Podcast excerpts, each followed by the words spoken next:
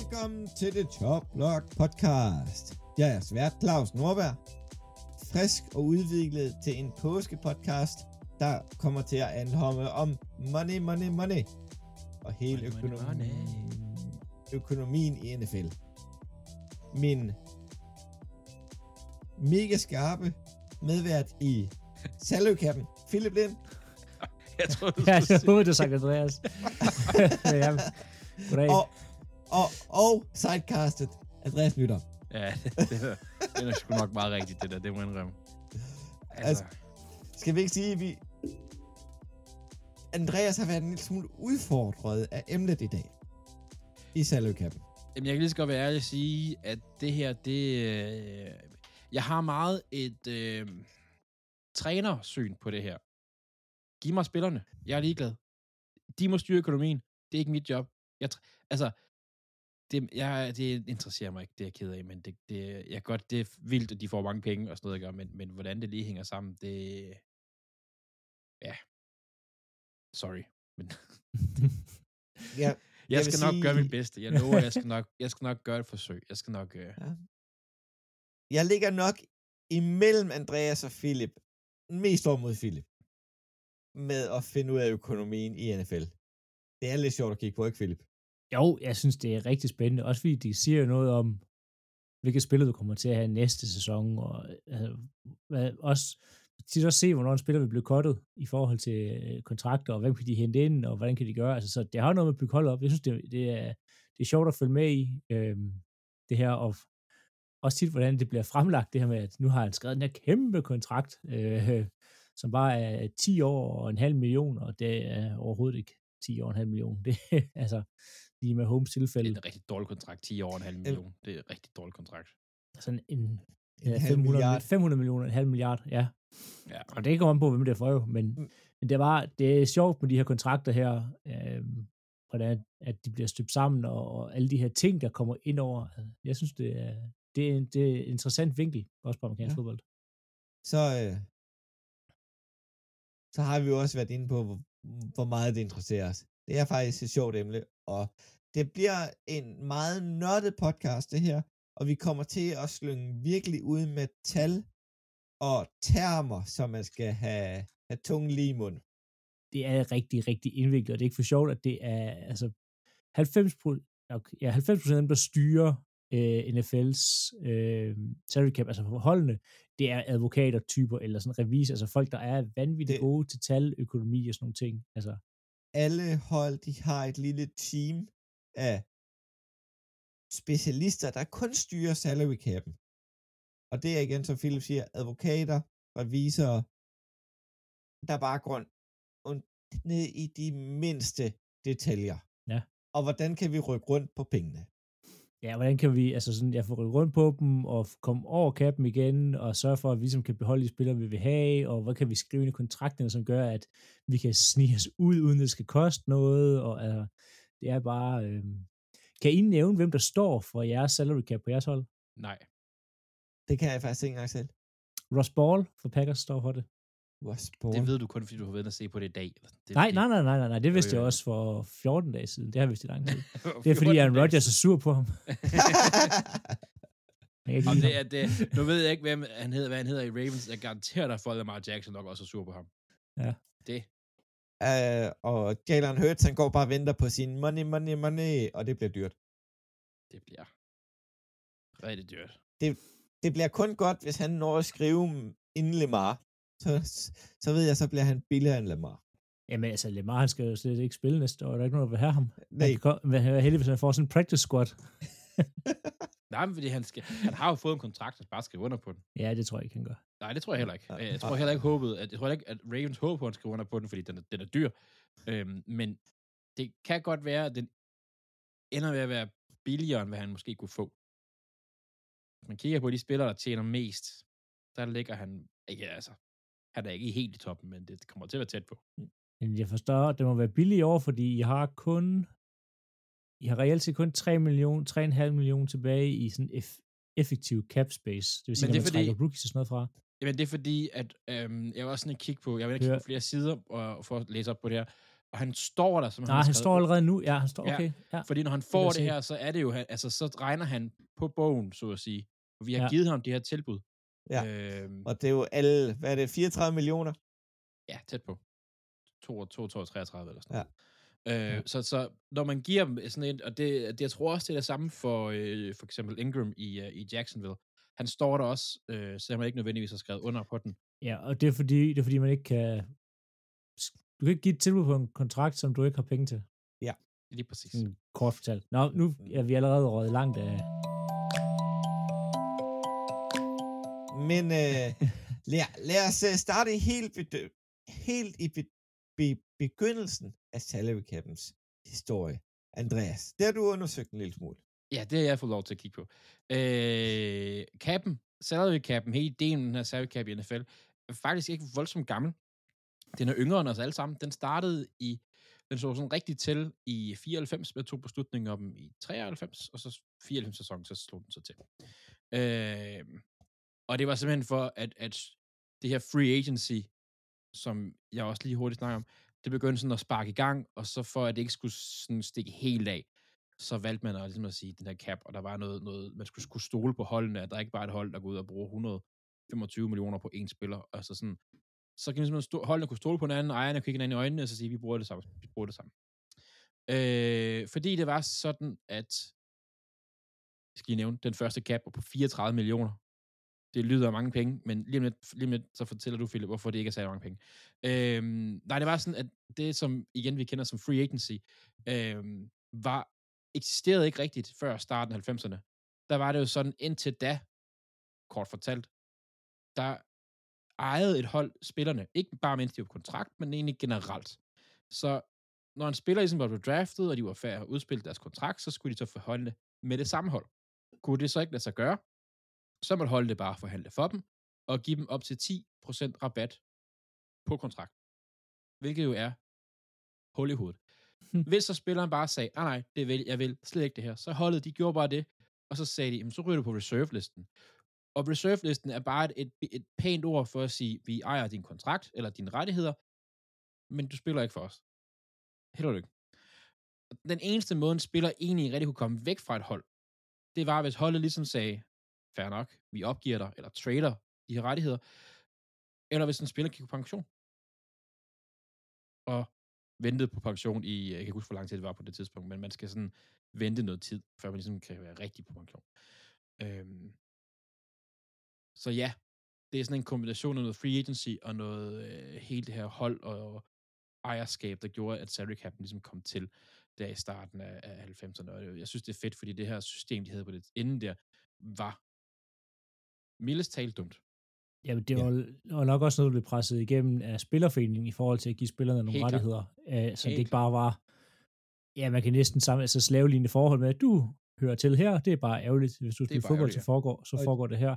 Og jeg bliver jo Øhm. nødt til at give en noget ro, som jeg egentlig ikke kan lide. Jerry Jones var en Ja. ja. af fortalerne for hele salary cap systemet, og han forstod det jo. Og det var derfor, at Dallas Cowboys havde så meget succes i starten af 90'erne. Og det var jo også øh, jeres hold, et af de største navne, der skiftede, Reggie White, Minister of Defense, valgte at hoppe fra Eagles til Packers. Øh, kan man jo godt forstå. Langt hen ad vejen, det er en rigtig god idé.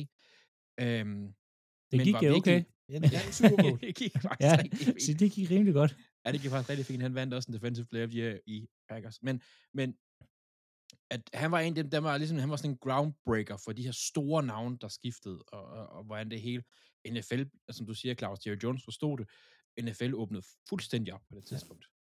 Du, du kan se på den måde, Jerry Jones, han hentede Dion i øh, San Francisco dengang. Dion Sanders. Den bedste cornerback næsten i historien. En af Ja. de bedste i historien, altså. Uh, han Ja. er øh, som minimum top 3. Altså, nu, Jerry Jones har også lige pludselig den fordel, at han, han er en af de rigere ejere. Øhm, På det skal- tidspunkt. ja, på det andet tidspunkt, men også inden de har lyst til at bruge nogle penge. Ja. Øhm, og inden vi tager, vi skal ikke tage hul på det, men sådan kontraktmæssigt, du kan jo betale en masse penge up front ved den her signing bonus her, som gør, at spillet får en masse penge nu, og ikke ligesom skal vente på deres løn og sådan nogle ting. Så det gør også, at man, hvis man har en ejer, der er villig til at bruge en masse penge, også kan tiltrække nogle flere i free agency, end de lidt mere nære ejere, Washington Commanders for eksempel, som øh, nægter at give øh, store signing bonuses, men kører Og- den over lønnen, fordi så kan man cutte dem senere og slippe for at betale pengene. Ja. Og så er Mm. der også øh, forskellige måder, som staterne er med til at påvirke de forskellige hold.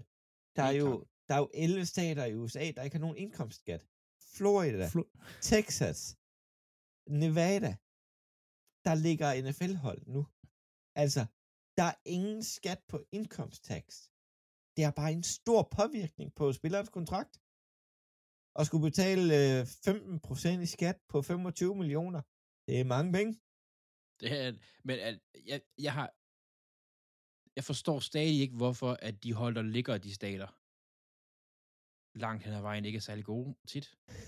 Miami har jo ikke været gode i... Jeg, altså, Dolphins har ikke været gode i, jeg kan ikke, øh, i min tid, så at sige. Altså, Og det burde være, det tror jeg lige undersøge til næste gang, vi skal, og det tror jeg bliver både, fordi det er også noget at snakke om i NHL.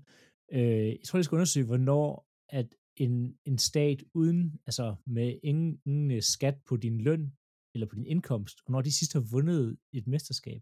Øh, altså NHL Tampa Bay Lightning. Ja, er det tam, tre ja, år siden? fly, tam, Er det øh, tre år siden?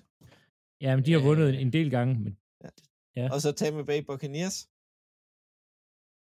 De har også lige vundet i NFL. Philip, Det, det ikke jeg research. behøver ikke research det. Jeg har Men Miami min egen- Heat havde også en periode, altså de, jo- Miami Heat lukkede jo alle til i, i, i midten af... Ja, men det var ikke på grund af, det var ikke på grund af, at de ikke skulle betale skat. Det var på grund af Ej, LeBron men- James. Ja, men, men det var LeBron James, ja, men, men altså, det er selvfølgelig også, altså spillerne der også tænker sådan, okay, jeg kan få 45 millioner her, og få det hele, eller jeg kan betale 20% af det til stat. De tager det til Miami. Ja. Øh, men ja, nu, nu taler vi udenom igen. Ja, men øh, jeg vil lige øh, gå lidt ind i, hvordan salary cap'en bliver beregnet. Og det er en, en ligning lidt opsat. Jeg går lige ind i elementerne bagefter. Det er ligaens omsætning. Hvor meget tjener de? Gange med øh, det collected bargain agreement og overenskomsten mellem NBA og Spillerforeningen. Der er en procentsats. NFL. NFL. Ja, øh, ja NFL. Uh, der er en procentsats, der skal gå til spillerne. Det vil sige, indkomst gange med procentsatsen, minus nogle faste udgifter til pensionerede spillers, øh, hvad hedder det, øh, noget sundhedsforsikring, divideret med antallet af hold. Så har vi salary cap. Det, det er den grundlæggende ligning. Og jeg siger, ligaen indkomst, det er jo, det er jo alt fra indtægter fra at komme på stadion, det er tv-aftalen, det er sponsoraftaler, det er fanudstyr, øh, det er, at vi, vi herhjemme, vi går i en Philadelphia Eagles trøje, Green Bay Packers trøje, øh, giver vores børn en, en, en body på med de ting, der er logo på, så har vi betalt til NFL for det. Ja, som udgangspunkt. Ja. Ja. Så det er også er derfor under corona, vi snakkede om, at øh, hvis man vil sørge for, at kappen skulle, skulle stige, så skulle man købe en masse, øh, en masse trøjer. ja.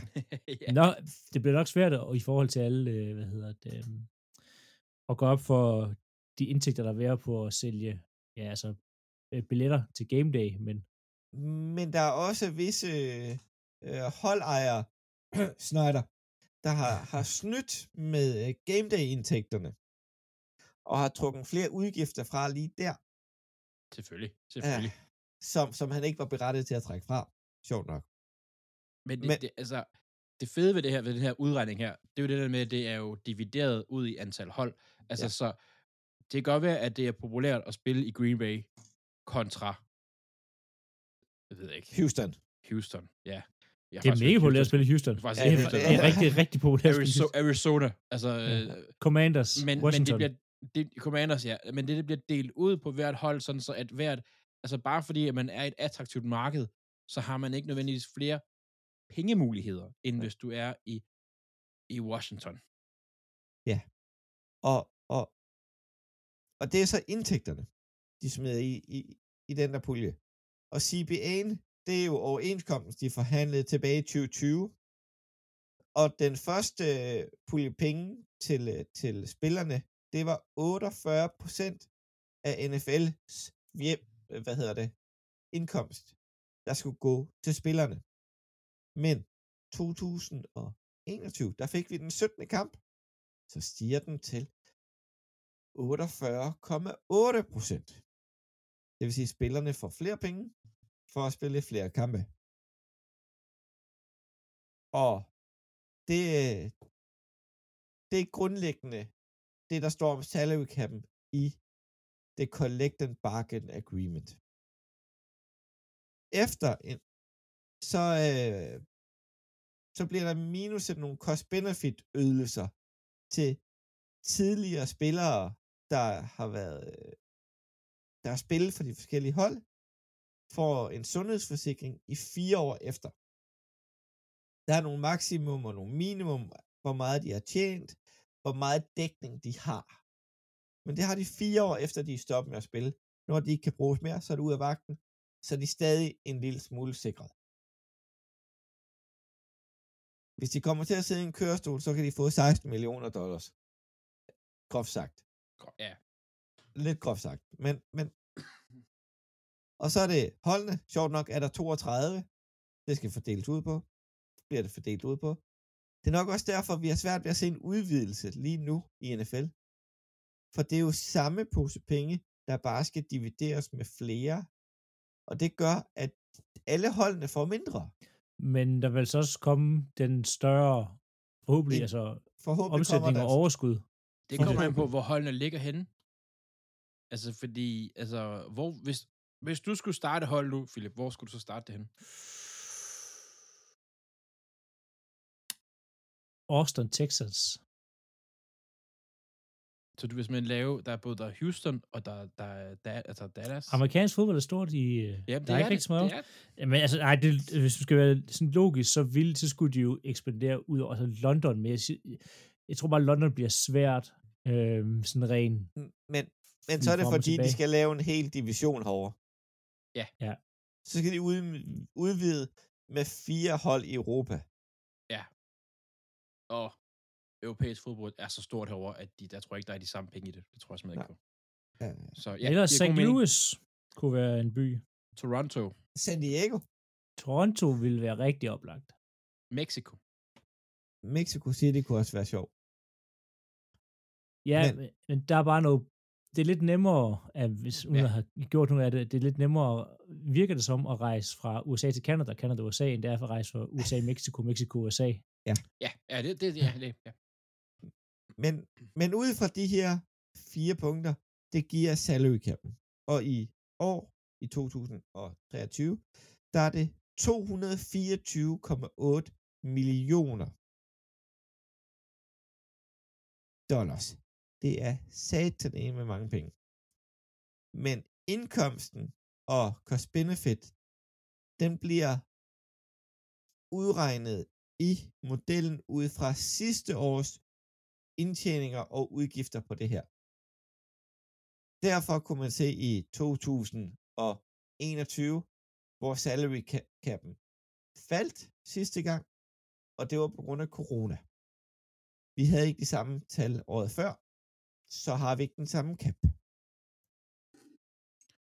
Og det var jo et problem for de hold, der bare har skudt penge efter spillere i, i 18, 19, 20. Altså, Ja, der var nogle hold, der blev brændt på det der. Det, øh, og det er jo, kan man ikke gøre noget ved. Det er jo bare sådan et liv, kan man sige. Øh, jeg, jeg kan huske, at Philadelphia vi var oppe på øh, 69 millioner i minus på et tidspunkt. Ja, det er Og Saints, de var højere op. Saints er altid været Men, men det resterende beløb, som ikke går til salary cap'en, det beholder ejerne, fordeler ud i 32 lige store portioner. Og så har de det at bruge på deres hold. Og der er jo nogle ting, de går ikke mod cap. For cappen, det er kun spillere på kontrakter. Det er det, der tæller op mod. Trænere, GM's, styrkepersonale, øh, revisoren, de tæller ikke mod cap. Det er ud af de penge, som holdene får, at de bliver betalt ud af. Fra ligaen siger man godt nok, pas lige på med at fyre for mange GM's og mange trænere. Nu har jeg brugt 800 millioner over de sidste tre år på at fyre trænere. Men det tæller ikke imod kappen. Det går ikke ud over spillerne. Philip, kunne du tænke dig en øh, cap på øh, uh, GM og træner? Ja. Alene, alene af den grund for, at, øh, at de skulle tænke sig op med de kontrakter. Øh, og igen, det vil også gøre det mere mere rimeligt i forhold til igen det her med rige ejere og så øh, nære i ejere. Jeg tror, alle ejere i den fældehold er, er jo rige, men altså at så sige øh, nære i ejere og ejere, der er villige til ligesom at bruge nogle penge. Øhm, og så, så undgår vi også de her mærkelige NFL, eller de her trænerkontrakter, hvor de ligesom bare bliver ved med at, at betale til alle mulige, øh, altså Matt Rule for eksempel, øh, der får for de næste, han må have fem år tilbage på hans kontrakt eller sådan noget. Øhm, ja. ja, det er, ja, det er, hvad hedder det, Panthers, de betaler for tre head coaches eller sådan noget. Ja, og jeg synes, det er, det, det, det ser skidt ud for ligaen, når det er, så jeg tror, en salary cap vil, øh, vil bedre, men det kommer ikke til at ske, fordi så salary cap for, for, for hvad kan jeg sige, alt trænerpersonale og sådan ting, men jeg synes, det kunne være interessant, at man gjorde det på det fald ja. side af. Ja. Det kunne det altså. Men vi har, vi har jo lige revet lidt i overfladen på kappen, men grundlæggende, der er det de her de her ting, og spillere går til kappen, GM, træner og anden personale tæller ikke med. Men, Philip, ja. det, det er et af de hyggelige emner, det her. Hvordan er sådan en kontrakt opbygget? Ja, altså vi hører jo altid det her med kontrakter og sådan ting her, og kontrakter kan brydes ned i rigtig mange ting, og vi starter sådan med, med det mest, det vil jeg altid snakke om, det er sådan deres løn, deres grundløn, deres base salary. Øhm, den blev udbetalt i, i 18 rater hen over sæsonen. En per kamp eller en per uge øh, får man det her. Og den kan sådan være to ting. Den her base salary her, den kan være non-guaranteed, hvilket betyder, at den ikke er garanteret, eller den kan være guaranteed. Øh, hvis den er non-guaranteed, og du cutter en spiller, så får spilleren ikke en krone.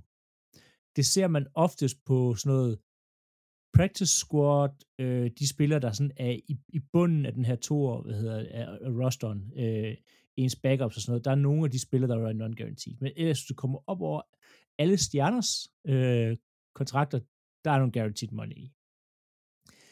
Der findes tre guaranteed, guarantees. Øh, jeg kender kun to af dem. så jeg blev overrasket. af, jeg, jeg har også noget nyt. Øh, der er en guarantee for injury. Det, den tror jeg næsten alle kender øh, eller har hørt om det her med, at hvis en spiller han bliver skadet, jamen, øh, og på grund af skaden bliver kottet, men så er der sat en pose penge af, som han får ligegyldigt med. Øhm, og det vil sige, hvis at øhm, ja, ja, en spiller risikerer at få en skade. Joey Bosa for eksempel, Øh, hvis han blev skadet, så blev kottet, jamen så er der sat nogle penge af til ham øh, i den her guarantee for injury. Så kom der en, jeg ikke kendt til, det der hedder skill guaranteed det er simpelthen øh, en, en, en garanti i kontrakten, der er, at hvis, lad os sige, at øh, Jets får fat i, i Aaron Rodgers, øh, de får en ny kontrakt og får skrevet det her skill guarantee ind. Hvis Aaron Rodgers så ikke er dygtig nok, eller kan opfylde det, man havde forventet af ham, Øhm, og han bliver released, fordi han er for dårlig, så i den her skill guarantee, så får han så en pose penge ud af døren, fordi han har været for dårlig til at opfylde sit arbejde. Man kan nok samle lidt med et gyldent håndtryk, som der er nogen, der, der får rundt omkring her. Men det er simpelthen, hvis spilleren ikke er god nok og bliver released, fordi han er for dårlig, så er det, de penge, der så i skill guarantee-delen, får han, hvis han bliver released. Så er der en cap guarantee.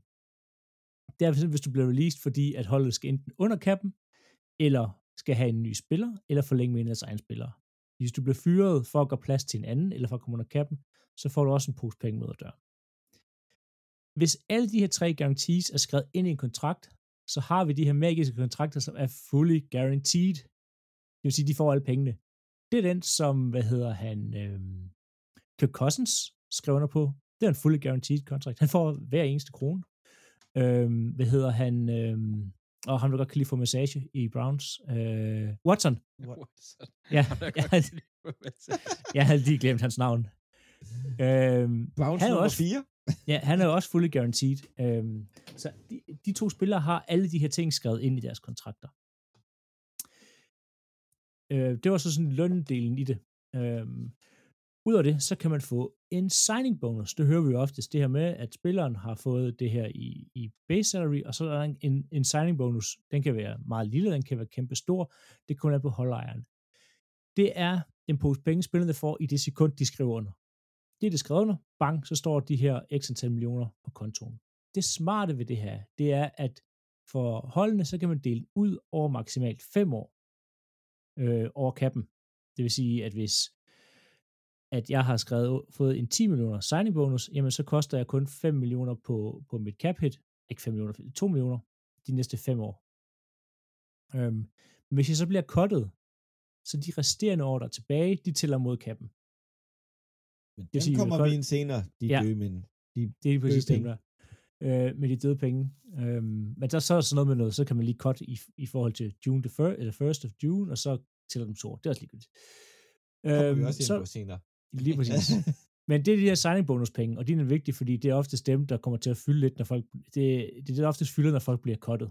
Øhm, så er der en roster bonus. Den får man for at være på rosteren, eller kan man få for at være på rosteren i starten af en ny ligaår, og det, det tvinger lidt holdene til, om man skal fyre spilleren før eller efter det nye øh, år begynder i ligaen. Så er der en per game roster bonus, for at det ikke skal være løgn, men også kan få skrevet med. Øhm, og det er en pose penge, man får for at være aktiv på game day. Det vil sige, hvis du har skrevet en kontrakt, hvor du har en per game roster bonus på 17 millioner, så for hver kamp, du er aktiv, får du en million. Richard Sherman fik skrevet det her ind i hans øh, kontrakt, for, for, da han skrev under med 49ers. Der havde han en rigtig stor andel per game øh, roster bonus sat i. Øhm, så i flere kampe han var aktiv, flere penge tjente han. Så er der en workout bonus. Og det handler, det handler ikke om, hvor meget han træner. Det handler om, at han kommer til alt det her off-season.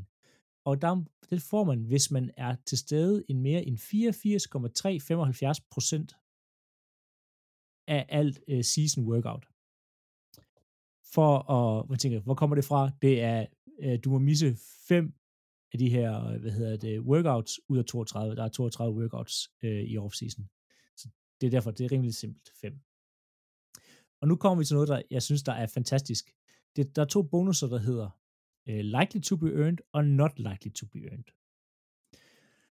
Det er, uh, vi kender alt det her, uh, vi har set de her klip for Bronk, eller for Buccaneers med, hvor at, uh, hvad hedder han, Tom Brady skynder sig at kaste til Gronk, fordi han skal have x antal reception, x antal yards det er de her bonusser her. For eksempel, hvis du løber 1000 yards, så får du nogle flere penge. Hvis du griber 100 bolde, så får du nogle penge. Hvis du scorer ekstra touchdown, 6. hvis du kommer pro bowl, alt det her. Det er de her øh, likely and not likely to be earned. Øhm, det, der er forskel på dem, det er, det du gjorde sidste år, det er likely to be earned.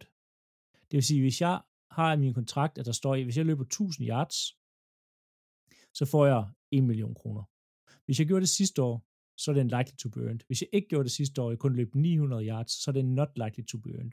Og forskellen på dem i kappen, det er, at likely to be earned tæller mod kappen i år, mens not likely to be earned bliver trukket fra kappen næste år. Mm-hmm. Og det var faktisk grunden til, at Odell Beckham skrev med uh, Rams i stedet for Packers. Fordi at Packers i, hvad hedder det, året før, noget længere i playoff end Rams, fordi de slog dem ud, men i hans kontrakt, der gav øh, Rams ham en stor pose penge for at nå i conference og endnu større penge for at nå i Super Bowl. Og fordi de ikke nåede de to forrige år, så var det not likely to be earned, og kunne derfor skubbes ud til næste år, hvor et Packers jo var i conference og derfor kunne ikke give samme pose penge, fordi den skulle tælle mod kappen i år, hvor de ikke har nogen penge, Packers. Så der gik det ind og, og ligesom differentierede med, at han kunne få flere, eller han kunne få en bedre kontrakt med Rams, fordi det ville ikke tælle mod dem i år, men næste år til sidst, så er der en option bonus, som ligger et eller andet sted i forlængelse af kontrakten. Det er sådan en bonus, holdende eller spilleren, det er det, så kontrakten kan vælge at, at pick op. Det vi kender lige nu, det er Aaron Rodgers, og den ligesom, øh, hvad hedder den, øh, hvad hedder det, signing bonusen, så kan den fordeles over fem år. Rodgers' option bonus med Packers er i år 58,3 millioner og den skal aktiveres mellem den 17. marts, som vi er gået forbi, og spille U1. Så derfor, hvis Rodgers bliver traded, bliver det inden spille U1, men det gør også, at der er sådan en lang der er lidt langt, der er langt at løbe på for Packers, og normalt så, så, har, så er de her option bonus, altså før vi går ind i training camp normalt. Men det er som om, de har vidst, at de vil af med ham, at man har trukket den hele vejen til, hvad hedder det, um, U1. Og hvis man er helt fuldstændig rundforvirret nu med alle de tal her og alle de her termer, så vil jeg lige hurtigt gennemgå en kontrakt. Og det er en kontrakt, der er skrevet for nylig. Det er Alan Lazard.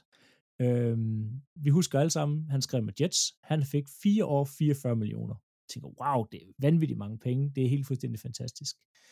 Øhm, hvis man sådan lige dykker ned i den, øhm, så er det 22 millioner af dem er guaranteed, det vil sige, det er penge, han får. Øhm, og han har en, øh, en signing bonus på 10,9 millioner.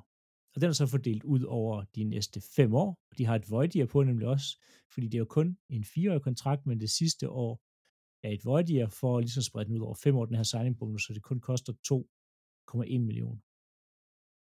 Hans base salary, vil sige, hans grundløn er i år 1 million, og næste år 10 millioner.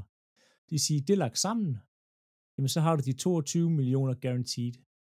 Og det gør så, at der er ikke flere guaranteed penge i hans kontrakt. Øh, de, de tredje og fjerde år, hvor han skal henvise have 11 millioner begge år, er ikke guaranteed. Det vil sige, i princippet, så er det ikke en 4-årig 44 millioner kontrakt. Det er en 2-årig 15 millioner kontrakt, han har skrevet under. Fordi efter, hvad hedder det, øh, 2024-sæsonen, så er han gratis at kotte.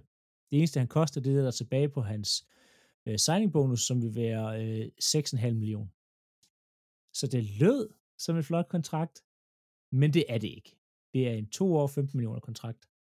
Ikke en 4 år i 44 millioner. Det er også derfor hver gang, og det er næsten på sådan et, mit autosvar, når jeg snakker kontrakter i den her, lad os nu lige se pengene først, hvordan de er, er fordelt.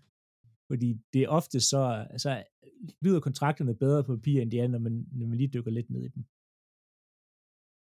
Ja, det er svært også, også med de her kontrakter. Vi kender jo ikke alle bonuserne og alle klausulerne i det.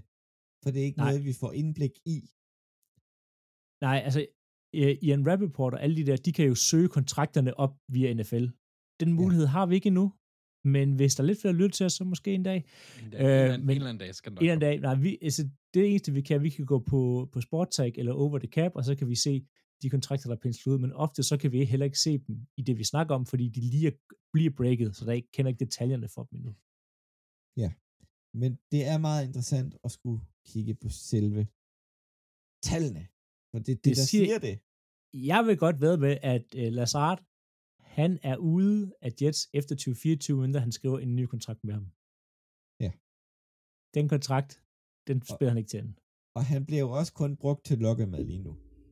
Nej, han passer godt ind i systemet. Ja, åh, det, det han, han, han, er, altså, han er en... Men ja, han lokker nok også lidt. Ja.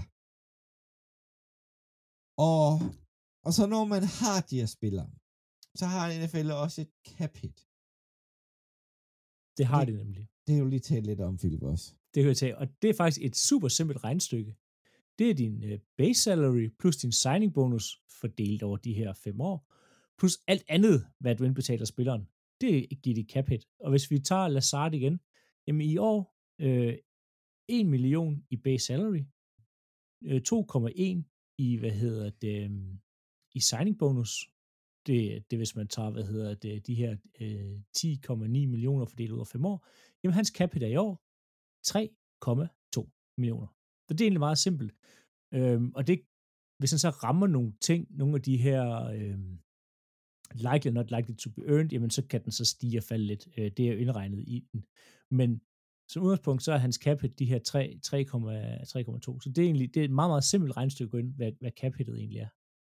Og, og et simpelt af Rodgers, han rigtig, hans rigtig gode kammerat, hans cap hit i år, den hedder 28,5 million. Ja. Det er jo og noget af en forskellig størrelse. Det er det, og det er sikkert, fordi der ligger en stor signing, altså den signing bonus, som fik, var rimelig stor. Nu har jeg ikke lige hans kontrakt åbent for mig. Den, den, øh, den var ret stor. Ja, øh, som så er fordelt ud over de her ja. år her. Øhm, men det er egentlig meget simpelt. Altså alle penge, der bliver brugt på en spiller, kommer til at tælle imod din cap hit, og det er også, altså din salary cap, det, det, er ligesom, det bliver trukket fra det. Andreas, hvem er så den, øh, hvem er den spiller med det største cap lige nu? Jamen, øh, det er jo ikke overraskende, når man sidder og kigger på de spillere, der har højst cap hit, at de fleste der i toppen, det er quarterbacks. Øh, og nummer et spiller med cap hit i år er også det er Patrick Mahomes. Øh, fordi at han har sådan en kontrakt, der er rigtig, rigtig høj. Den er ikke særlig meget garanteret, men der er en masse incentives, øh, nogle af de ting, som du sikkert også snakker om, Philip, øh, som gør, at han ligger lige nu lige knap på 40 millioner øh, cap hit for 2023. Øh, den her liste her, med, med, med størst cap hit, der, der er mange af de navne, som man forventer at se, men der er lige et par stykker, jeg hive frem her, som man måske ikke forventer at se, men også lidt, hvad det kan give af udfordringer. På nummer to på den her cap hit liste, det er også en quarterback, men han hedder Ryan Tannehill. Spiller i Tennessee.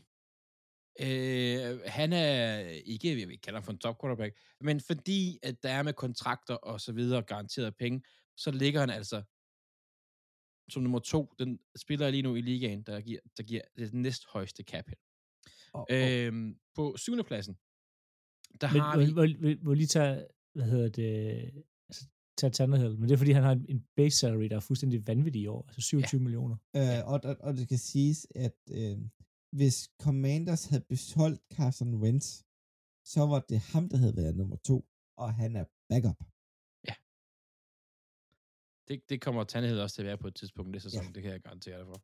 Nå, Nummer syv. Øh, nummer syv på listen her, det er en receiver. Det er, øh, det er Andre Hopkins, som lige nu er en, er en spiller, som langt de fleste hold vil sige, ja tak, ham kan vi godt bruge. Rigtig, rigtig god receiver. Men, og, og Arizona er også ude at sige, at vi kan godt trade ham, I må gerne øh, som sådan for ham.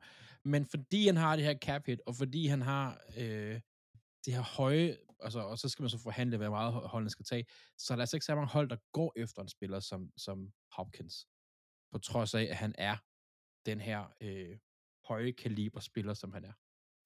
Lige hurtigt en, jeg gerne vil hive frem, vi har nævnt ham, men Lamar Jackson har jo fået et, øh, hvad hedder det, et franchise tag, som er en del af sådan en kontrakt, holdene kan give en spiller, øh, ligesom for at sige, du bliver her. Øh, så han ligger faktisk, han er ikke under på den nu, men han ligger faktisk mod 3 nu med 33,5 øh, millioner.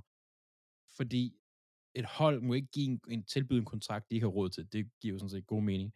Øhm, så derfor, så, selvom Lamar egentlig ikke har skrevet under på noget som helst endnu, og måske er på vej væk, det er, det, det er en saga, vi kan snakke flere timer om, så ligger han faktisk lige nu som den tredje højst betalte spiller, fordi han har fået en kontrakttilbydelse igennem et franchise tag.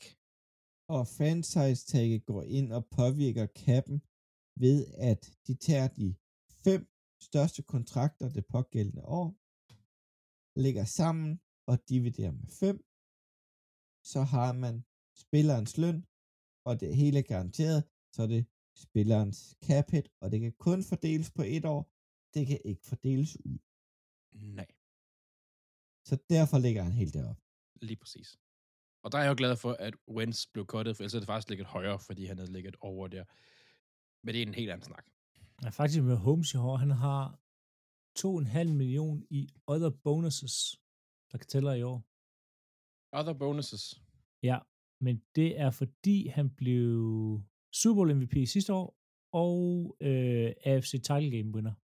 Mm. Det er 1,25 millioner i et år. Men hans, hans likely to uh, earn må være helt sindssyg, fordi han jo har vundet alt. Ja, men, men- og det er også derfor, den går ind til i år, fordi at, at sige, han vandt det sidste år, hvor det var en not likely to be earned, så earnede han den i år, og så tæller, eller han earnede den sidste år, så tæller den jo i år på de 2,5 millioner. Ja.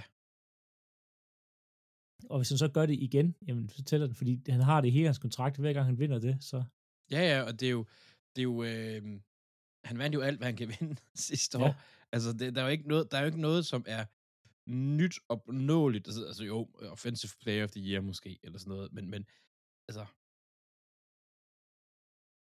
han må, han må, ja, hvis han så ikke, hvis du siger, at de ryger ud i første runde af slutspillet, mm, så vil jo være en masse, der vil være not likely to earn igen. Ja. Det vil jo sådan hele tiden være, op og ned, ja. what have you done for me lately, basically? Altså, Ja. han har ikke noget garanteret efter se- 26. Han Nej, er- men det, men, men hans kontrakt allerede, jeg mener det fra næste år. Hvad Ja. nu? Og det gik bare lidt på hans roster bonus. Fuck. Altså, øh, allerede fra næste år, når vi rammer øh, lige giver 24, så Ja. bliver lønnen i 26 fuldt garanteret. Ja. Han er, han er garanteret to år fremad hele tiden.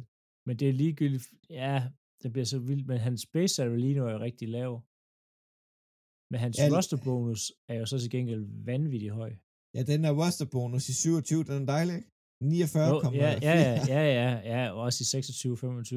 Men han bliver gratis og cut senere. Nå, ja. Men, men det er faktisk en interessant kontrakt, jo. Så, som mange af jer nok har hørt, så er der det her begreb dead money. Det er døde penge, som Philip taler om. Det er signing-bonusen, der er fordelt over den her femårige periode. For eksempel, det kunne være de der 20 millioner, fordelt på fire år i mit eksempel. Det er 5 millioner om året. Det er lige til at regne med. Men man er så uenig med den her spiller efter et år. Han bliver fyret på en helt almindelig før 1. Øh, 1. juni, så er det debt cap på 15 millioner på det pågældende år. Og det er jo og, den den spiller, der får de her dødpenge, eller dead money, det er jo helt andet på signing bonusens størrelse og de forskellige yderligere bonus, som Philip lige var inde på. For eksempel, Carson Wins for dead money fungerer også til traded spillere. For det er det hold, der underskriver kontrakten med en spiller, der giver, giver hvad hedder det, dead money. Philadelphia har betalt Carson Wentz's dead money, da de trader ham til Indianapolis Colts, så de betalte 33 millioner for en spiller, som de ikke havde på holdet. Det er dyrt. det er Uh, det er relativt mange penge, ja. ja, sindssygt mange penge. Uh, og, og han tjente jo flere penge i 2021 fra Philadelphia, end han gjorde fra Indianapolis Colts. Det er fandme godt klart. Altså, Ja. det, det kostede, det er vildt det her. Carson Wentz kostede Eagles i 21 næsten 20 procent af salary cap'en. Ja. Og det, Og og han det, er det, og der er. Og det er det, der er rigtig farligt ved de her store øh, signing bonuses, som spillerne jo gerne vil have, fordi du får alle pengene med det samme. Der er ikke nogen, der kan komme og tage dem fra dig, Nej. i modsætning til din løn og base salary og alle de her bonusser. Øh, men til gengæld, så hvis at de ikke lever op til det, eller noget som helst, jamen, så, altså, klubben, der har givet dig den her kæmpe store signing bonus, hænger på den, og du kan ikke komme ud af det. Der, der er ikke noget, du kan ikke, du kan ikke konvertere den ind til et eller andet andet. Nej, det er bare ærgerligt. Den er Og der det, bare. Det er bare, også bare svært for de her hold her, for der er- øh, det er bare, det er bare, det, det er bare så godt eksempel med Lamar Jackson her, for der har været også snak om, at han skulle, at, at Colts skulle, fordi i stedet for, at de drafter en quarterback, så kan de hente ham, og de har penge til det. Men det der, hvis de skal give ham de her garanterede penge, og garanteret quarterback-penge, så binder man sig til den her spiller i enormt lang Uh. tid. Det er jo også en helt anden ting med likviditet på garanteret penge. Det er, ja. hvis penge er garanteret, så skal ejeren, kan I forestille jer et lille pengeskab, I har stående, der skal ejeren slække kontrakten ovenpå, så siger vi, øh, Lamar Jackson skal have 150 millioner dollars garanteret, så skal ejeren lægge de der 150 millioner ind i Lamar-pengeskabet, og dem må han ikke røre.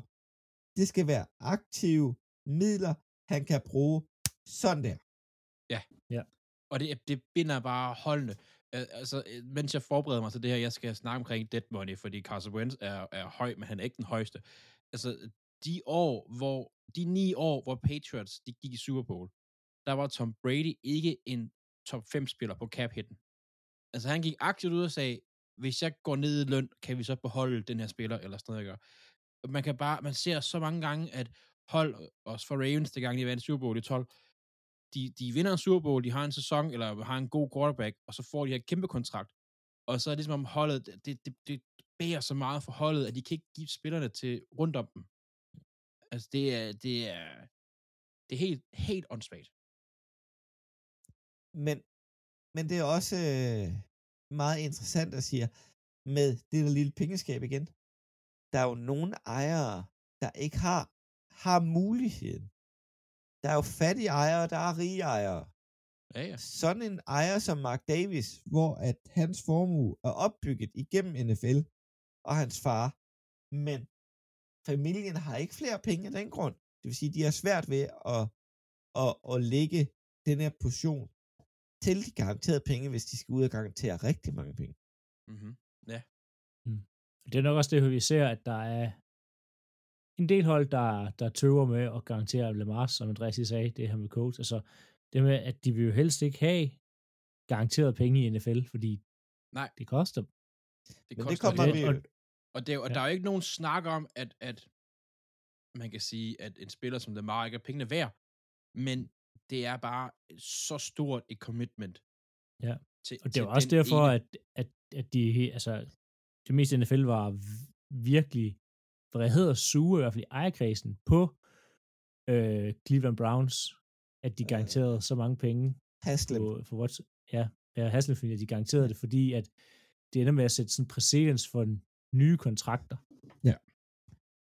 Øhm, men Andreas, sådan de øh, største debt money Ja. mm, spillere, der har været sådan igennem de sidste par år. Ja, og, og der er vi, øh, man skal ikke blive overrasket her, når man igen snakker quarterbacks. Øh, det er sjovt nok også en liste, som Ryan Tannehill ligger på. Han er nummer 10. Øh, det er vildt nok, han kan være, men det, han har bare umiddelbart været god til at få penge af en eller anden grund. Øh, Men han er jo ikke engang fyret. Nej, nej. Men hvis vi, kigger på, hvis vi kigger på toppen her, fordi der er faktisk et hold, der går igen to gange, og det er sådan lidt... Øh, hvis vi kigger på en top 5 her, så, og det her det er bare all time, så det er ikke i år, men det er sådan all time. Øh, Derek Goff og Rams havde en dead money cap 22 millioner et år. Julio Jones, nummer 4, for Falcons på 23 millioner. Russell Wilson, dead money, øh, faktisk efter han blev traded jo, selvfølgelig. 26 millioner. Så har vi de famøse Carson Wentz, 33,8 millioner, da han blev traded til, øh, hvad hedder det, Colts. Og så har vi en anden spiller, der er blevet traded til, også blevet traded til Colts. Matt Ryan, 40,5 millioner. Jesus. Han fik jo den her gigantiske kontrakt øh, i 18, som var på hvad, 150 millioner eller sådan noget, som var dengang kæmpe kontrakt. Og den er blevet ændret rigtig, rigtig mange gange, og så videre. Traded til Colts, blev faktisk traded, han blev ændret lige inden han blev traded til Colts. Og det endte med, at, at, at uh, Falcons i 22 sidste sæson, de tog simpelthen det her dead money hit på 40,5 millioner. Ligesom for at sige, nu er han væk, nu er det ude, lad os komme væk, lad os komme væk derfra. Lad os starte forfra. Lad os starte forfra. Og det er også, man sådan ser, det er jo også det, der ligesom, vi sad jo hele sæsonen og tænkte, hold kæft, hvor er Falcons bare noget rod. Men der er jo en grund til det, når man kigger på pengene. Ja. Og, og selve cap-hittet, der bliver påvirket, at, at, at når, når man skal fyre en spiller, så skal man kigge på cap-hit minus dead money. Og det er lige med cap savings. Hvor meget sparer man? Hvis cap-hittet er større end dead money, så sparer man penge. Hvis cap-hittet er mindre end dead money, så tager man penge ved at fyre eller trade en spiller. Det vil sige, inde på over the cap, en af de steder, der kan man tydeligt se, hvornår kan det betale sig at fyre en spiller. Det kommer vi ind på lige om lidt.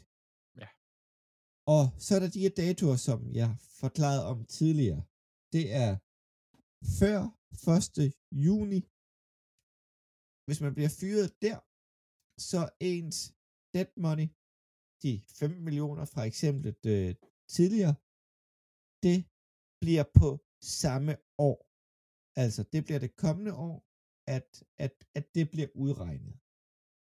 Men hvis det bliver efter 1. juni, at man bliver fyret, så bliver de 5 millioner regnet med i 2023. Resten af det, man skylder, skyder man til år 2024, hvor man så skal betale regningen. Det vil sige, at man har en større chance for at, og ikke at betale for mange penge lige nu, regnskabsmæssigt. Mm. Så man har, har flere penge til andre spillere. Et, et, et lille eksempel. I kan godt huske Todd Gurley. Ja, det, Ja, virkelig. Hvis, hvis han blev kottet før 1. juli, så ville han have kostet 20,2 millioner for Rams i 2020. Men de valgte at fyre ham efter. Så kostede han 11 millioner i 2000, 11,8 i 2020 og 8,4 i 21. Det vil sige, at det er spredt mere ud. De har mulighed for at bruge flere penge det pågældende år. ja, man, man spreder det ud det Over pågældende to år, år. og, og ja, når næste år så det bliver halveret. Men det, og det, og det er jo igen det der med sådan, så fordi et hold som, som Falcons for eksempel, hvis de har spredt, øh, hvad hedder han, øh, Matt Ryans kontrakt ud over to år, så har de stadigvæk siddet den her superdags med, at så har de stadig ikke sat mange penge. Uden Der er det uden der med, tvivl. det er det der med, når man, når man, man kan også bare sige, vi tager det bare det hele nu, og så, så er vi lort et år, men så er vi klar til de næste år. Ja, Men, Så det er, der er jo plus og minus for det hele jo. men alle holdene har så også muligheden at fyre en spiller efter 1. juni, har de to undtagelser ved at gøre det før, men det er virksomt som efter. Ja, de, de får sådan en, en, en øh, post-destination. Ja. Post uh, first of July destination, det vil sige, de bliver fyret før, det giver, det er ofte sådan nogle veteranspillere, som, altså, det, det, du vil gøre det bedste for på en eller anden måde. Ja. Altså, det er sådan ved at, Ja. Altså, du fyrer dem tidligere, men skriver dem på kappen i år og næste år, til gengæld giver det dem mere tid til at finde øh, en ny arbejdsgiver. Ja. ja. Og, og, og det, er jo, det er jo godt for de to spillere, og det er godt for holdene. Så, så det er faktisk øh, ret, ret interessant. Og nu går vi tilbage til ham der, den gamle quarterback op i Green Bay. Eksemplet lige nu. Hvis Green Bay blev så træt af ham, at de fyrer ham, som vi skriver lige nu, så vil Green Bay have en dead money på 99 millioner 700 778.570 dollars. Au. Helt perfekt. Ja, helt perfekt. um, De kan klart nok stille et hold, hvis de gør det, mand. Er du sindssyg? altså, det er jo bare et vildt beløb i sig selv. Men, men hvor meget det betyder at fyre ham efter den 1. juni, hvis man kunne vente til det, så falder den til 75 millioner. Det er ret mange penge forskel. Det, det, er, det, er, det er virkelig, virkelig mange. Altså, jeg tror, at det hold lige nu, der har flest dead money, er, øh, det skal jeg se, jeg skal lige finde det her, det er Buccaneers, som ligger på 75, altså med hold. Ja. Ligger på 75. Øhm, så han vil alene have det samme dead, head, dead, dead cap hit, som et helt hold har. Ja. Det er jo fuldt. Altså, Jeg har fordi, lige- hvordan, hvordan er de nogensinde kommet frem til den kontrakt? Hvordan har, hvordan har Green Bay nogensinde sagt, Det er sat fordi, man ned- har, man har garanteret, øh, hvad hedder det, hans, hans salary I øh, år. Hvad hedder, i år Jamen, jamen, til 59 millioner. Og jeg ved godt, Jamen, der det er var fordi- det er et var fordi- det var- under og sådan noget, det ved jeg godt, men, men, ja, men ja, at men de han har var, sat, han var back-to-back MVP, de vil nok gerne have ham på. ja, men de ved jo godt, han er underlig. Ja, ja, det har han altid været. Ja. Jeg har lige en, en lille, sådan en, en lille øh, nugget nu her, hvor vi Ja. snakker det her, øh, øh, hvad hedder det, First June øh, i forhold til øh, juli, i forhold til øh, Aaron Rodgers. Hvis han bliver traded, vi går sammen og venter på, at han skal til Jets. Hvis han rører afsted her før, at, øh, hvad hedder det, øh, 1. June, så koster han 40 millioner dead cap. Hvis de venter til efter 15. Det kommer Nå, først til at ske efter det her. Det Men er, det, er jo, det er jo det, der ligesom det det, er er, er, er snakken nu, det der med, at de er ikke helt enige om, hvor meget de skal have i draft picks, og så er det jo, hvor meget skal han, de betale ham. Ja, hvad skal det koste, sådan ting, men problemet er jo, at hvis de gør det efter, så er draften overstået. Ja. Så er der ingen draft pick i år for, til Green Bay. Så det er den her afvejning her, Ja. men Og de vil helst gerne have draft pickene i år. Green Bay har tid til at vente et eller andet sted. Spørgsmål om Jets har. Ja. Nå, tilbage på sporet igen. Men det er, det, det er simpelthen, det er en mega vigtig dato, den der 1. juni. Og det påvirker ekstremt meget de forskellige Ja, ja. hold. Men nu har vi talt rigtig meget fra spillernes side, og holdene, hvad de kan rykke rundt på. Der er også en lille smule andet, de kan rykke rundt på, Andreas. Det har du kigget en lille smule på. Ja, der findes jo noget, og det er sådan faktisk en lille ting, men der findes noget, der hedder cap rollover. Og det er holdene, øh, de kan sige, vi bruger ikke hele cap i år, vi vil gerne bruge noget næste år. Det må de gerne. Undskyld. Max 5% må de sende gennem til næste år, så de kan ikke bare sige, vi tager lige 20% og sætter videre, og så har vi råd til Aaron Rodgers. Nej, det er maks 5%. Og, og det er jo, i det hele kan det jo godt være, nu, nu siger jeg små penge, det er, hvad, det er 13 millioner eller sådan noget. Det er ret meget.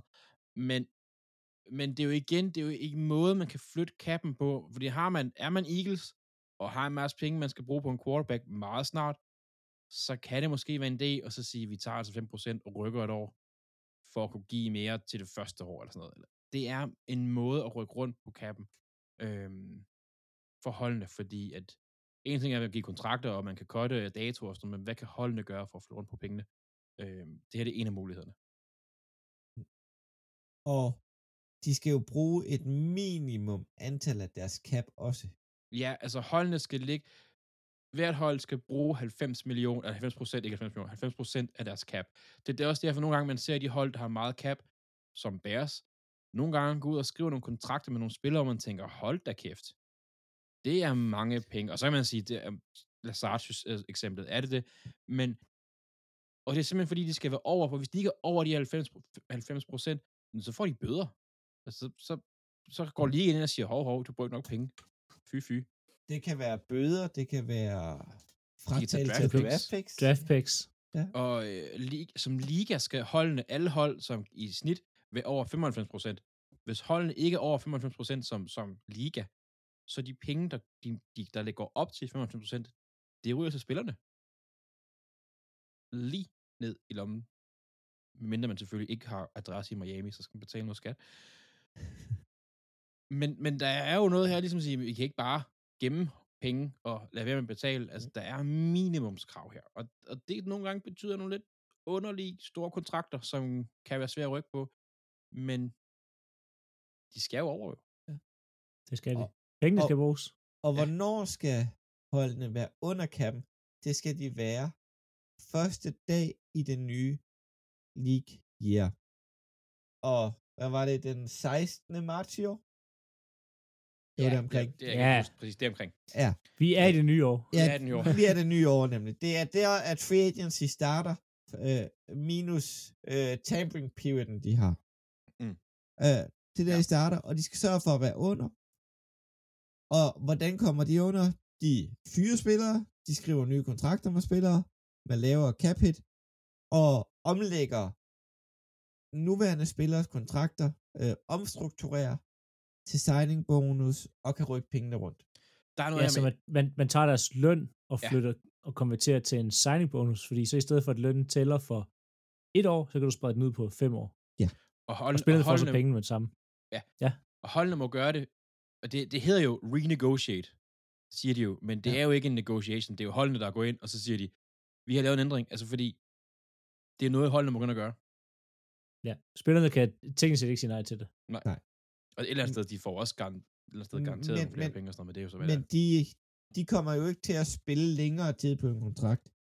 Jason Kelseys nye kontrakt på 12 millioner for et år. Det er kun et år kontrakt. Stort set hele lortet, det er en signing bonus, og den er fordelt over fem. Ja, og Ja. så har vi de her void years, som vi tit snakker om med, at så ligger der fire void years ud i fremtiden. Han kommer ikke til at spille dem, fordi det, det er bare år, der er skrevet på for at få spredt signing bonusen så langt ud. Ja. Ja. Man, sige, altså, man, man sparker bare problemerne lidt ned ad vejen. Man kommer til at betale en penge lige meget hvad? Ja. Bare ikke lige nu. Så øh, det er det, hvornår man skal være inde.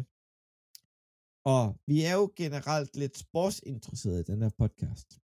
Ja, det må vi sige. Lidt, lidt NFL og lidt NBA. Hvad er forskellen på deres cap, Andreas? Det er sjovt, du spørger. det, jeg har, det ved jeg nemlig alt om. Øh, nej, jeg, jeg har i mange, mange, mange år fulgt med NBA og lytter til mange andre NBA-podcast og sidder og nørder en del. Og der er grunden til, at man tit snakker om NFL og NBA, det er fordi NFL har en hard cap, og NBA har en soft cap. Og hvis man skal sige det meget groft, hard cap, det er, at vi har 200, øh, var det 6, 226 millioner. I må ikke gå over. Og I skal være under den på, når ligaen starter. Basically. Og det er sådan, at hvis holdene går over, så får de 5 millioner bøde per, øh, det er sådan noget per, per, per unit, eller sådan noget per ting, der gør, at de går over. Øh, 5 millioner bøde. En soft cap, som de har i NBA, det er sådan en, hvor holdene, den er lidt sådan blød, de må gerne gå over og bruge rigtig mange penge på spillere. Det er bare enormt dyrt. Det er sådan i øh, NBA for eksempel, at for hver dollar, de er over kappen, skal ejeren betale halvanden dollar i straf. Så basically, hver dollar, de går over, skal de betale 3,5 dollar. Nej, 2,5 dollar, undskyld. Øhm, så det kan man godt. Det er bare jerndødt dyrt. Mm, Men er det ikke øh, forskelligt i NBA på, hvor mange år i træk man går over? Bliver det så ikke dyrere? Jo, jo, jo, den, den stiger, og det er jo for eksempel et hold, som øh, mange følger med, og mange er fans med, det er øh, Golden State Warriors. Har jo Steph ligget Curry? med Steph Curry, lå, altså, lå over, og de var sådan et hold, der var rigtig gode til at udnytte kappen, da de hentede Kevin Durant for eksempel. De ventede, og så til, der kommer en ny øh, aftale, og kappen steg rigtig meget et år, så kunne de hente ham ind, og så kunne de også være over kappen, nemlig i længere tid, fordi de hentede ham ind et år, hvor at kappen steg helt vildt. For der kom en ny tv-aftale, og der har lige været en ny uh, CBA, og alle de der ting der. Øhm, så det er det med, når folk tænker, hvordan kan de have alle de stjerner? Jamen, det er fordi, at de havde en god timing, og fordi de må faktisk godt være over. Jeg kan ikke lige huske, hvor Og lang fordi tid de har, de har en rig ejer, Ja, og det ligger der i San Francisco. penge. Ja. Men jeg kan ikke lige helt huske præcis, hvor mange år det er, og den, den stiger, og det bliver, til sidst der bliver det bare helt åndssvagt dyrt at have et hold, hvis man ikke kan finde ud af. Så det er også derfor, man ser nogle hold, de sådan op, øh, altså sådan som et hold som Miami Heat, det de hedder LeBron og sådan noget, op og, og pike i nogle år, og så ned igen. Jeg mener, at det her, det er godt nok tal for sidste år, at Golden State Warriors har en salary på 400 millioner. Jamen, det er også, det er fuldkommen sindssygt. Og, og, og, og, og Det er to Deres- NFL-hold. Næsten det, to det, det er NFL-hold. næsten to NFL-hold. Og deres salary cap er jo ikke øh, i nærheden. Men det er jo også det, man siger, øh, der har man sagt i mange år, hvis man lige ikke tænker sådan noget som Formel 1 og sådan noget, så er NBA det, er det højst betalte sport i verden. På grund af Og- sådan noget som det der. Og forskellen, det er mange, stort set alle kontrakter i NBA, de er garanteret. Det er jo derhen, hvor at NFL-spillerne gerne vil hen jo, fordi de vil jo gerne kunne sige, jamen jeg, jeg, jeg har skrevet under på 15 millioner, så skal jeg også have 15 millioner. Øhm, men det er jo, det er jo, ja, man kan jo sige, de spiller også 82 kampe i NBA, altså de skal, der skal sige... Heller ikke helt så hårdt. Nej, Altså, altså, sådan, det er hårdt, men så... Øh, men der, holder der, er, der er en, øh, der- nu skal vi ikke til at tale, hvad der er værst. Der er et andet slid. Altså, prøv du at spille 82 kampe på, øh, på syv måneder? Nå, ja, jamen, det siger, men, men det er bare ikke, altså, der er, der er lige noget andet sådan, Ja, ja. ja. vel, i sådan fysik, og Ja, ja, der er meget rejseaktivitet. De har også begyndt at spare meget for spillerne. Ja, Ja, det her det lugt management i er NBA, det er forfærdeligt. pis. De er, ja. Ja. det skal vi ikke snakke NBA nu. Øh, Men der er, lige kommet, der er faktisk lige kommet en ny CBA, NBA og sådan noget. Den er faktisk rigtig spændende, synes jeg. Øhm, men det er, det er øh, nor here, nor there, hvis man siger det sådan. Jo, Philip, du har set en lille smule øh, baseball, ikke? Er det ikke Jo. noget med, at de nærmest ikke har en cap der? Og der er også, den er meget blød. Den, den, den er super blød, jeg, nemlig. jeg kan ikke lige huske den, men den, altså, den er der, men du behøver ikke overholde den.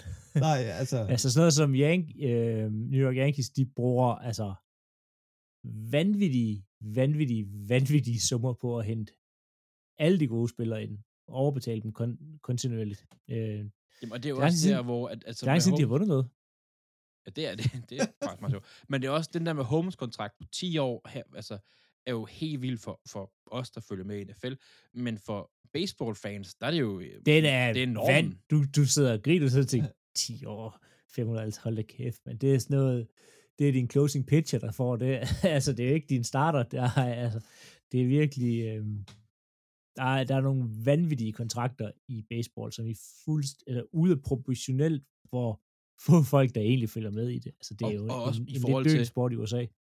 I forhold til også, at, at øh, og nu er det min helt egen personlige mening, i forhold til, hvor kedelig baseball er. Hold kæft, hvor er det, synes jeg, Ja, enormt kedeligt. Øhm, ja, altså det kan være, hvis man ikke lige har sat sig ordentligt ind i det. Øhm, øh, det, er jo- det, det kan være lidt, også nogle kampe, der er lidt langstrukne. og det er interessant på, hvor forskelligt kappen er, er, er skrevet sammen i de fem store i, i, USA, NBA, NFL, baseball, hockey, og så fodboldligaen, MLM. Har de en cap? Jeg sad og tænkte over det. Har de en cap? Jeg tror faktisk ikke, de har en cap. Jeg aner det ikke. Det er totalt ud af en tangent, det her. Øhm, jeg var på arbejde med en amerikaner øh, i, her i ugen, som var Philadelphia-fan. Og, Og, øh, Philadelphia Unions. Øhm, jeg stod og snakkede med ham, vi snakkede selvfølgelig Super Bowl og sådan nogle ting, han var stor Eagles-fan, og han fortalte mig, at de havde tabt øh, tre store begivenheder i eller Philadelphia i for kort tid, og der nævnte han lige præcis, øh, hvad hedder det, Major League Soccer som en af de tre store, så det er ved at blive en, en større ting derovre.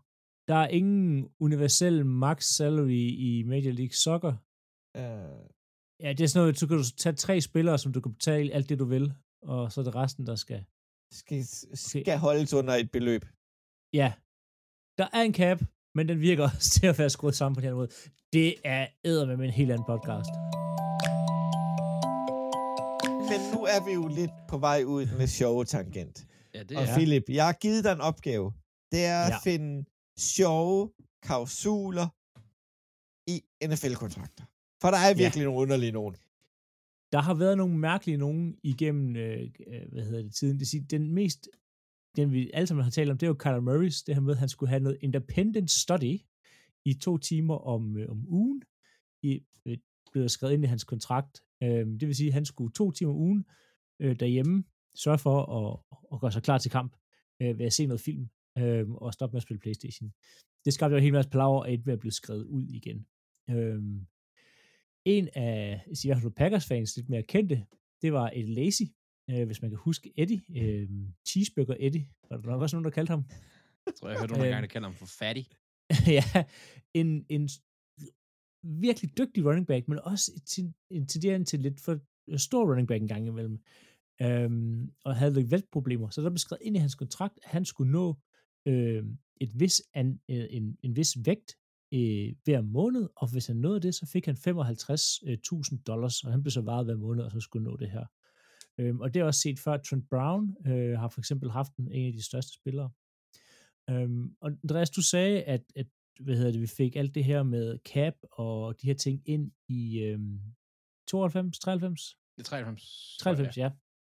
Ja, fordi nemlig i 93-draften, der er andet, andet overall-valg, Rick Meyer, øhm, der var stadig meget sådan, okay, hvad er det her for noget, og man var usikker, øhm, altså, kommer, betyder det så, at han tænkte, penge skal have, og hvad er det med de rookies?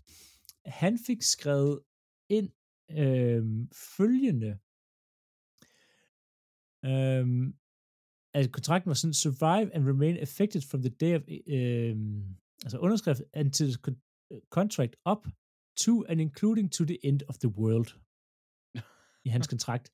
Det vil sige, at den her kontrakt, om verden så gik under, det var det eneste, der ligesom kunne stoppe den her kontrakt for ikke at blive gennemført. øhm, Det er så vildt. Ja. Øhm, det er så senere blevet taget ud, og at, at det var så i, hvad hedder det, øhm, Det, det må man ikke længere skrive i kontrakter i øh, NFL, at de gælder til verdens ende. Øhm, det er nok Holder, der har været sur på det. Ja, ja. Og så den sidste, og den her, den er, og det, jeg synes, den her highlighter præcis, hvorfor at kontrakter aldrig er, som de udgiver sig for at være. Øhm, det er øhm, de Brickshaw Ferguson for en tackle for New York Jets. Han var ret god i en periode, faktisk. Det var rigtig godt. Altså midt nullerne, ikke? Jo. Jo. Øhm, han skrev en teknisk set 60 millioner over 6 års kontrakt.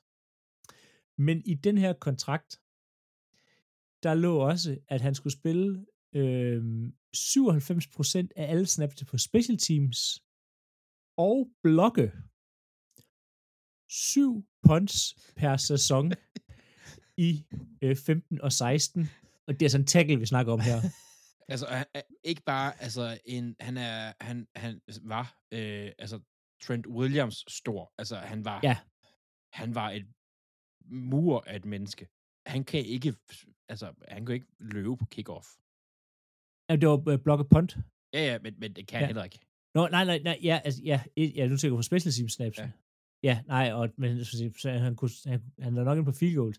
Øhm, man skulle blokke de her syv punts her, for at få øhm, en bonus på 1,3 millioner, og den fik han jo aldrig. nej. Han- så, så det er bare, Men der kontrakter er, så, kan, der, er, kan være mange mærkelige ting. der er så meget af sådan noget med, du ved, at så er jeg den højeste, jeg har fået den største kontrakt nogensinde, og så man gå ind og kigge, som ja. Ja. du siger, og så man sådan lidt, på papiret ja, men nej, du får ikke nogen af de her penge her, for du kan ikke opfylde det her. Det, det er jo ren performer. Og, og en sjov detalje tilbage fra øh, Marcus Mariota-draften. Marcus Mariotas kontrakt med Tennessee, der stod jo i den, at han ikke måtte surfe. Ja. Om, om manden er fra Hawaii. Men det er fordi, man bare kan komme til skade. Cincinnati ja. Bengals har også tidligere skrevet i deres kontrakter, at uh, rookie-spillere ikke må tale dårligt omkring holdet, så kunne de blive trukket i deres, øh, i deres bonusser. Det er også blevet forbudt nu. Det var blevet forbudt. Ja, sjovt nok. Men det, der, der er sjovt, altså, der er sådan noget med, der er mange af de spillere, der har sådan noget med, sådan, du må ikke dykke andre sport, du må ikke, ja. Ja. du må ikke være med i andre konkurrencer, uden vi har været med til et eller sted. Altså, der havde for eksempel Michael Du må Jordan ikke spille basket. Jo, nej, ja, og det må de ikke, for de kommer altid til skade. Men der Ja. havde Jordan havde skrevet ind en, en uh, love for the game klausul, at han måtte altid spille basket, uanset altså, hvornår og hvor det skulle være. Det skulle de fandme ikke bestemme. Ah, men han, han, han var også en meget speciel støbning, den mand. Det, Ja. det, Og altså, virkelig dårligt til baseball. Nej, han var habil faktisk. Men det... Og- Nej, nej, nej, nej, nej. Vil, det var han altså ikke. Det i sig selv er en helt tredje podcast, vi skal i gang i, hvis Ja. vi skal snakke det der. Og gik Øh. virkelig meget op i golf. Det han til gengæld, har jeg hørt, skulle være rigtig god til. Golf og store kubanske cigarer. Ja, det er han er så glad for. Nå, Andreas. Ja. Hvad er, hvad er cap-situationen for holdene her den øh, 3. april 2023? Jamen, øh, alle hold er under kappen. Det er sjovt nok, for det skal de jo være.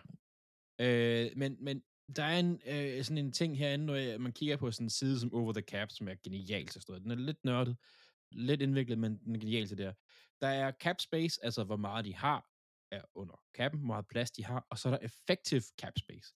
Det der med, at de kan godt være under, men så er der en masse penge, der er bundet op på incentives eller bonusser, eller sådan noget, som de regner sådan noget, der man måske regner med at skal betale, eller sådan noget.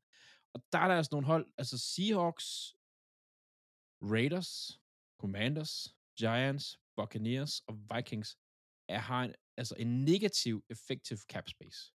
Så på papiret er de under, men de kan ikke rigtig gøre noget. Fordi der er også afsat penge til rookies, for eksempel, og sådan noget. Ja, hvem har øh, de fem laveste cap space lige nu?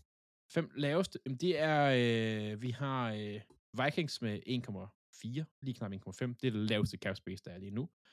Øh, og så er der Dolphins, Buccaneers, Giants og Commanders. Commanders har øh, på 2,4, så det er ret lille spænd øh, penge, de har. Ja. Og øh, de, øh, de fem, der kan big spende lige nu. Det er Bears, sjovt nok. De har en eller anden grund altid penge. Bears er det eneste hold lige nu, som er langt fra de der, ikke langt, men er et stykke fra de der 90 procent.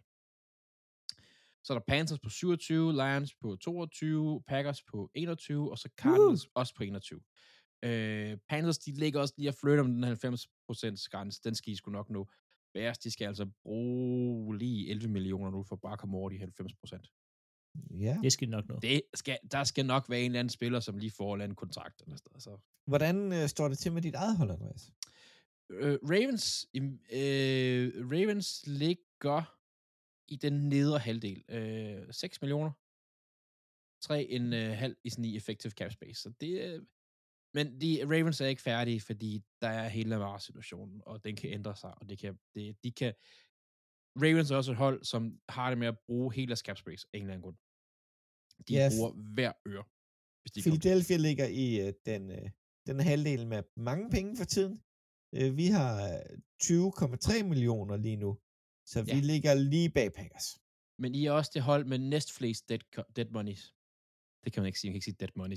Det er engelsk lærer for fanden. Dead money. Ja, på Dead, dead øh, monies. 54 millioner betaler vi. Ja. Puh, det er mange penge. Og alligevel lægger Box på 20 millioner mere end jer. Ja, og et, og et hold som øh, Miami Dolphins, de har kun et øh, dead øh, cap hit på, på 3,5. Det skal nok ændre Ah, sig oh, om nogle Bengals, år. Bengals, 600.000. Ja, Bengals har været Ja. gode til at styre, men Ja. Bengals er også et, om et hold, der, der godt om nogle år kunne, kunne Det er Fordi også et Miami fattigt med- med- franchise. Ja, men, men Miami med alle de spillere, de har hentet ind, de der big names, de giver kontrakter og sådan noget. Giv dem fem år, så skal der nok være masser af det. Men altså, bare, bare roligt, Panthers, de, de har 51 millioner i det i år. Og alligevel de hold, der har mest penge. Men det er, hvordan situationen er lige nu. Situationen i 24, der, det kan jo være en helt anden. Folk Ja. ja. kan være over kappen. De, de kan simpelthen have brugt for mange penge. Ja, Men det- skal vi ikke starte med dem, der har, har dem money i 24? i 24. Og, og det er jo igen det er jo et tal, der kan nå ændre sig meget, fordi den kan give kontraktforlængelser, og der er nogle drafts osv. osv. Texans har i 24, øh, man forventer, der kommer til at være en base salary cap på 266 millioner. Det er ret meget. Men Texans har en cap på 147 estimeret, fordi man med kappen skal jo regnes ud og sådan noget. Øh, så har jo Patriots ligger nummer 2 med 135, Titans 125, Bears igen 121, og øh, så Giants med 115 millioner i 24. Og det kan nu ændre sig mange gange. Der er mange ting, der kan nu ændre sig. For eksempel Bengals, som vi lige havde op lige før, de ligger nummer 6 på den liste med 111, men de skal jo betale deres quarterback i Joe Burrow. Og det bliver dyrt. Og et hold, man kan kigge på, fordi Packers ligger ret godt til i år. Næste år, der er det ikke særlig godt. Der ligger de i bunden med, øh, med 13 millioner. De har faktisk færre penge næste år, end de har i år. Men det er fordi Rodgers stadig er på Lige præcis. the books lige nu. Lige præcis. Ja. Og, og det er jo der, fordi Jets ligger ret højt med 85 millioner dead money, eller ikke dead, free money næste år. Øhm, så tingene kan nå, og bare det ene skifte fra, fra med Rodgers kan nå at ændre det her fuldstændig. Men der skal ske meget for Jets, hvis der skal ske noget. Ja. Og Et- øh, nogle Nej, hold, Jets, hvad hedder det? øh, Saints, undskyld, Ja. Saints, de har det svært. De men har, det, kommer, det kommer Andreas jo ind på nu, med Ja. de fem hold, der virkelig er på skiert. hvis man er Saints-fan eller Browns-fan, så skal man ikke lytte efter nu. Fordi hvis man er Saints-fan, så har man... Hvis de ikke gør noget som helst nu, allerede næste år, så har de 42 millioner over kappen. Uden at hente spillere ind, eller noget som helst. Med 38 spillere på rosteren næste år, 42 millioner for meget. Øh, Browns, 37 for meget. Det er jo fordi, de har valgt at give en masse penge til you know who. Så har vi Chargers med 11 millioner, og de har ikke forlænget Herbert nu. Bum, bum, bum. Så har vi Dolphins, der også ligger over. Det bliver dyrt næste år. Som ikke har forlænget med Tua. Ikke at forlænge med Tua. Og så har vi Bills, som er, så når vi så til det hold, der er under kappen, som er Bills med halvanden million under cap. Har, har I to mere til, til salary cap'en og emnet, vi har haft i dagens podcast, og at, at, at I skal læse af? Nej, jeg synes, at vi har været rigtig godt Ja. omkring det. Altså, nej, men altså, jeg synes, vi har været omkring meget, ude, og jeg synes, tror også, at det har været sådan nogenlunde forståeligt, det meste af det. Og Det vi har, også, vi har også snakket meget udenom, altså som ikke Ja. har noget med kamp at gøre. Men det gør ikke noget, fordi det er jo fint. Øhm, ja, nej, jeg synes sgu, øh, det har vi... Øh, jeg synes, vi har gjort det godt. Jeg synes, Det har blev været, øh, kommet rimelig godt rundt. det har været øh, sjovt at researche på i hvert fald. Og man har lært nogle nye ting selv. Nogle Helt af dem vidste vi da også i forvejen. Men uh, det, er da, det, det har været en udfordring. Ja. Og, og i den anledning, så vil vi sige tak, for at I lyttede med så lang tid. Tak til dig, Philip. Så tak. Håber, du har lært en masse, Andreas. Det har jeg. jeg føler mig som sådan en folkeskolelærer. Jeg skal lære noget. Jeg skal lære noget. Du skal lære noget, Andreas. Nå. Og jeg er Claus Norberg. Vi lyttes ved næst om 14 dage, hvor vi skal tale øh, næste gang, hvor vi skal tale draft. Prot, øh, ja, dem, der kommer i draften. Draft prospects. Ja, det var lige et ord, der forsvandt der. Vi lyttes ved alle sammen. Tak for, at I lyttede.